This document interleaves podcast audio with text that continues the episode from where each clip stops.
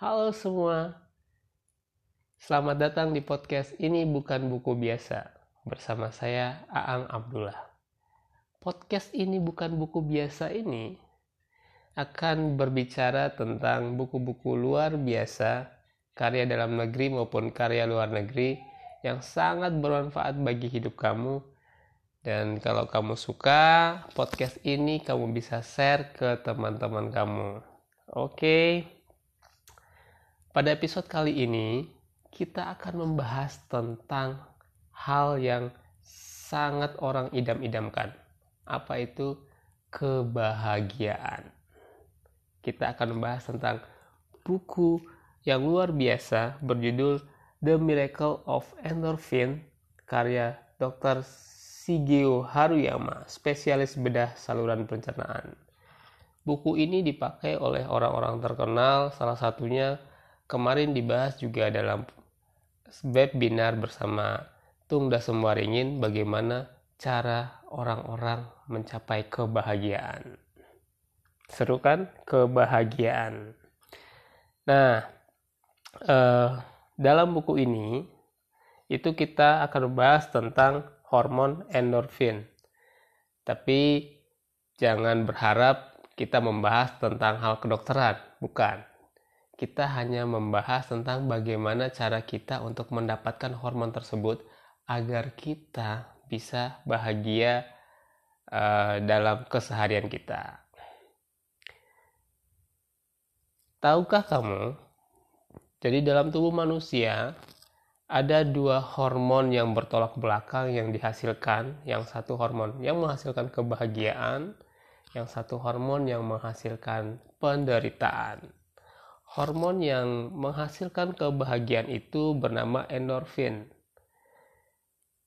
Hormon kebahagiaan ini hampir seperti morfin, menenangkan, menyenangkan, eh, memperbaiki suasana hati, tapi tidak punya efek samping. Malah ada efek ke depan. Efek depan, bukan efek samping. Efeknya itu adalah bisa membuat kita sehat, membuat kita awet muda, memperlancar peredaran darah, dan banyak sekali. Nah, ada juga hormon yang membuat kita itu sakit, yang membuat badan kita itu lemas dan tegang, yang namanya hormon noradrenalin. Itu hormon yang sangat beracun, hormon yang dihasilkan pada saat orang terus-menerus merasa marah dan orang terus-menerus merasa tertekan. Hormon ini bisa mengakibatkan kita cepat tua, membuat kita sakit, dan mungkin bisa cepat meninggal. Di podcast kali ini kita akan membahas tentang bagaimana sih cara-cara kita agar bisa menghasilkan hormon kebahagiaan itu. Sebelum kita melangkah ke sana, uh, alangkah baiknya kita membahas tentang yang satu ini yaitu tahukah kamu akar berbagai macam penyakit dalam tubuh kita? Dalam buku ini menginformasikan stres merupakan akar dari segala penyakit. Jika kita bekerja dalam kondisi yang uh, stressful, yang sangat tegang, uh, stres yang menumpuk bisa menyebabkan hormon neradrenalin tadi uh, keluar dalam tubuh kita. Sorry, belebetan kata-kata neradrenalin. Sorry, karena ya bukan dokter. Uh, pernah dilakukan percobaan eksperimen kanker pada tikus ternyata tikus yang mengalami stres itu cenderung 50% akan eh, apa namanya mengidap kanker daripada tikus yang tidak diberikan eh, lingkungan yang stres. Dalam buku ini menginformasikan ada percobaan pada tikus eh, satu dibuat uh, lingkungan stres, satu dibuat di lingkungan tidak stres ternyata. Dan kedua tikus tersebut dikasih uh, apa namanya dikasih uh, semacam mungkin serum yang bisa menyebabkan kanker. Nah, 50% itu lebih cepat menyebar kepada tikus yang diberi uh, lingkungan yang stres. Lah, kenapa sih stres bisa membuat kita sakit? Bukankah itu ya biasa aja saya habis marah, ya biasa aja. Ya mungkin seperti itu keadaan sekarang. Tapi dalam buku ini uh, menjelaskan tentang stres dapat menimbulkan gangguan sirkulasi darah, menghambat peredaran darah, sehingga mengganggu metabolisme dan kesehatan otak. Jadi tahukah kamu bahwa otak kita itu 10 sampai 15 15% sampai 20% darah itu mengalir ke otak Eh, ke otak kita bayangkan kalau otak kita aliran darahnya terhambat maka banyak sel-sel otak kita yang akan mati dan banyak fungsi-fungsi tubuh kita yang akan terganggu nah sekarang nih guys. Tahukah kamu cara-caranya agar menghasilkan hormon kebahagiaan? Agar hormon-hormon yang tadi sorry gangguan teknis agar hormon-hormon yang tadi hormon-hormon stres itu tidak keluar tapi yang keluar adalah hormon kebahagiaan. Tahukah kamu caranya kalau mau tahu ya baca bukunya kalau tidak baca bukunya dengarkan podcast ini oke agar mengeluarkan hormon kebahagiaan yang pertama yang bisa kamu lakukan adalah memperkuat otot berolahraga. Jadi jangan malas olahraga, apalagi kalau sudah melihat perut sudah gendut. Nah, perut yang gendut itu berbanding lurus dengan matinya sel otak. Jadi semakin gendut perut kita, semakin banyak sel otak yang mati. Begitu kata Dr. Shigeo Haruyama di buku ini. memperkuat otot Ya tentu saja dengan olahraga. Terus kurangi makanan yang berlemak. Kalau otot kita kuat dan komposisi massa otot kita tepat, dapat menyokong peredaran darah kita. Jadi peredaran darah kita makin lancar ke otak. Berarti eh, fungsi-fungsi tubuh kita juga akan terjaga. Nah, eh, peredaran darah yang terus berlangsung berkat kerja jantung dan otot di seluruh tubuh. Peredaran darah kita di peredaran darah ke seluruh tubuh kita itu bergantung pada seberapa kuat otot kita dan seberapa kuat otot jantung kita. Semakin banyak otot, semakin kuat otot jantung kita, semakin lancar peredaran darah kita ke otak. Sehingga dapat merangsang uh, keluarnya hormon endorfin tadi dan juga mungkin teman-teman uh, juga tahu pernah membaca tentang kesehatan bahwa yang melakukan metabolisme atau yang melakukan yang membakar lemak-lemak dalam tubuh kita itu adalah otot. Nah, eh, tadi yang saya infokan bahwa penimbunan lemak di perut itu uh, banyak sekali uh, indikasinya bagi tubuh. Ketika kita lihat perut kita, ternyata sudah banyak penumbuhan lemak di situ, sudah agak buncit dan lain-lain. Nah, itu berarti timbunan lemak sudah banyak, masa otot kita kurang, peredaran darah kita buruk, jumlah sel otak yang mati juga lebih banyak, tingkat penuaan juga lebih tinggi dan risiko penyakit kronis juga lebih tinggi. Bukan uh, body shaming ya teman-teman, tapi uh, ini uh, fakta yang disebutkan dalam buku ini. Kita harus memang harus rajin-rajin berolahraga dan itu nasihat dari dulu. Rajin berolahraga membuat kita sehat ternyata kesehatan yang kita dapatkan itu keluar dari hormon kebahagiaan yang keluar di otak-otak kita.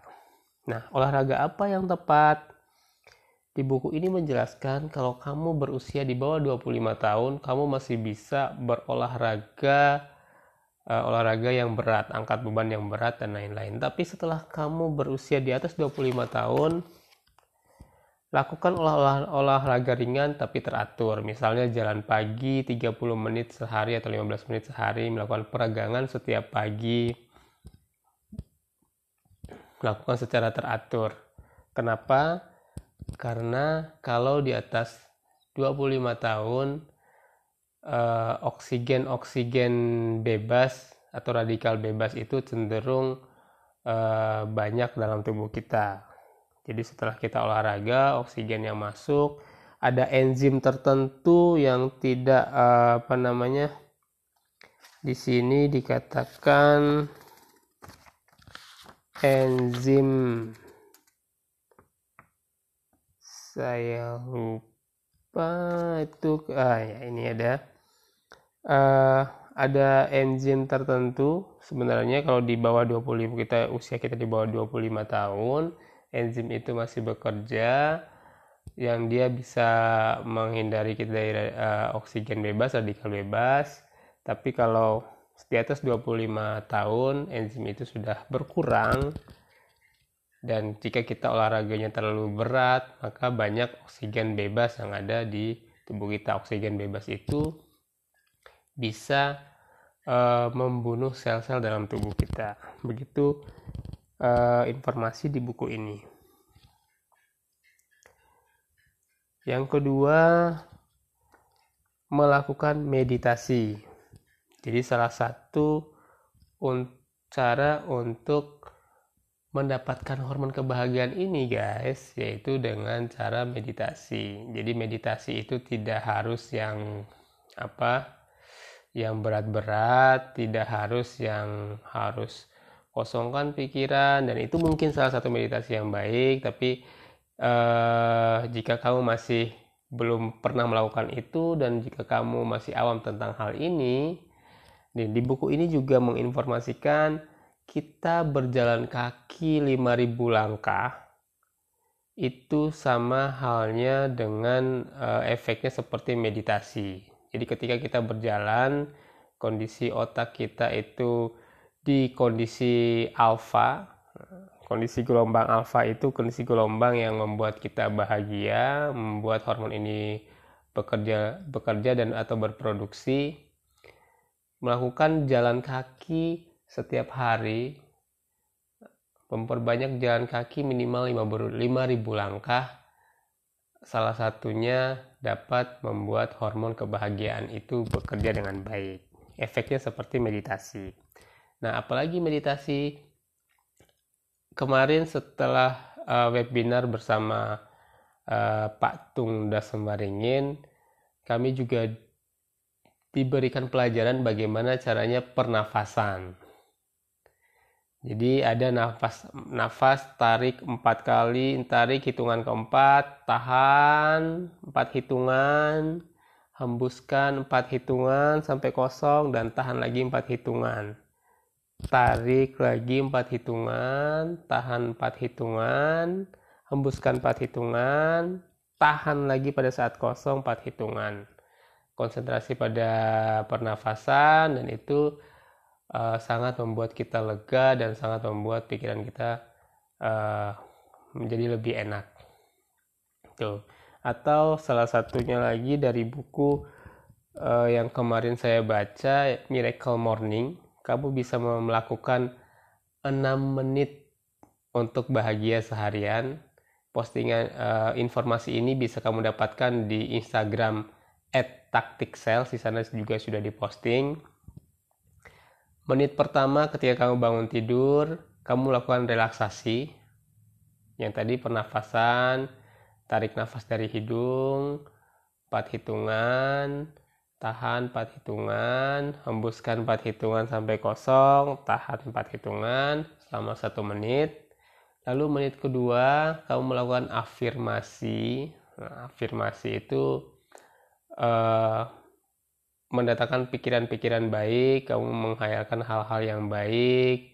Jadi kamu misalnya uh, memikirkan tentang saya lebih bahagia hari ini, saya menerima keadaan saya hari ini, saya senang bersama keluarga-keluarga saya, alhamdulillah saya masih diberikan pernafasan, diberikan nafas dan umur panjang oleh Allah Subhanahu wa taala. Nah, itu salah satu afirmasi positifnya. Lalu menit yang ketiga, kamu membayangkan hari yang sukses hari yang sukses dan bahagia itu seperti apa? Jadi kamu membayangkan kamu kamu melalui hari dengan uh, cinta kasih bersama orang terdekat kamu dengan bermain sama anak atau belajar atau ketemu teman uh, atau belajar hal yang baru itulah yang membuat kamu bahagia seharian dan kamu memikirkan itu satu menit Lalu membaca buku satu menit, apa pun bukunya yang kamu suka, satu menit saja, jangan lama-lama.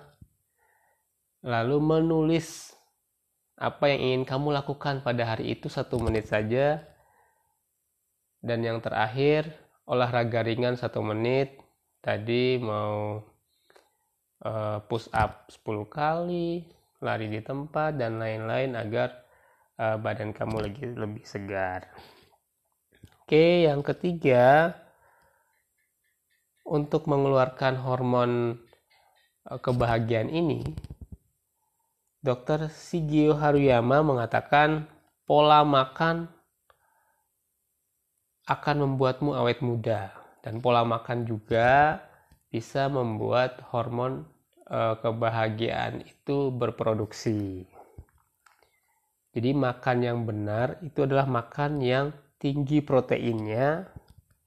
Kenapa? Karena protein itu merupakan bahan bakar yang akan memproduksi hormon kebahagiaan. Hormon kebahagiaan itu terdiri dari asam amino. Jadi dan asam amino itu ada di dalam kandungan protein. Protein itu kaya dengan asam amino. Makan makanan yang kalorinya sedikit dan mengandung protein yang banyak. Jadi protein ini juga dapat membentuk otot kamu. Berarti kalau makanan membentuk otot, berarti dia juga bisa melancarkan peredaran darah kamu. Kalau makanan ini e, bisa membentuk hormon kebahagiaan, berarti makanan yang berprotein tinggi juga bisa membuat e, memproduksi hormon kebahagiaan lebih banyak. Mungkin itu saja informasi yang bisa saya infokan dari buku The Miracle of Endorphin. Jika ada dokter yang mendengarkan podcast ini, mohon maaf jika ada kesalahan karena yang mengulas buku ini bukan dokter tapi sales ya. Mungkin banyak ada salah kata dan lain-lain.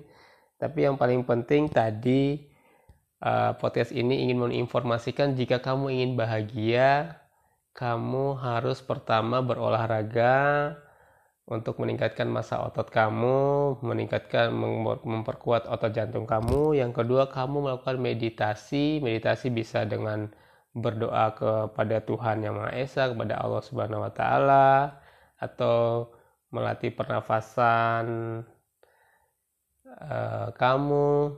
Yang ketiga, jaga pola makan karena pola makan itu juga sangat berpengaruh untuk masa depan kesehatan kita. Oke okay guys, uh, jika kamu sudah mendengarkan podcast ini sampai habis dan kamu suka, kamu boleh share ke teman-teman kamu. Jangan lupa vote, uh, follow Instagram at sales dan follow Instagram aangabdullah. Sampai jumpa di episode mendatang. Dadah!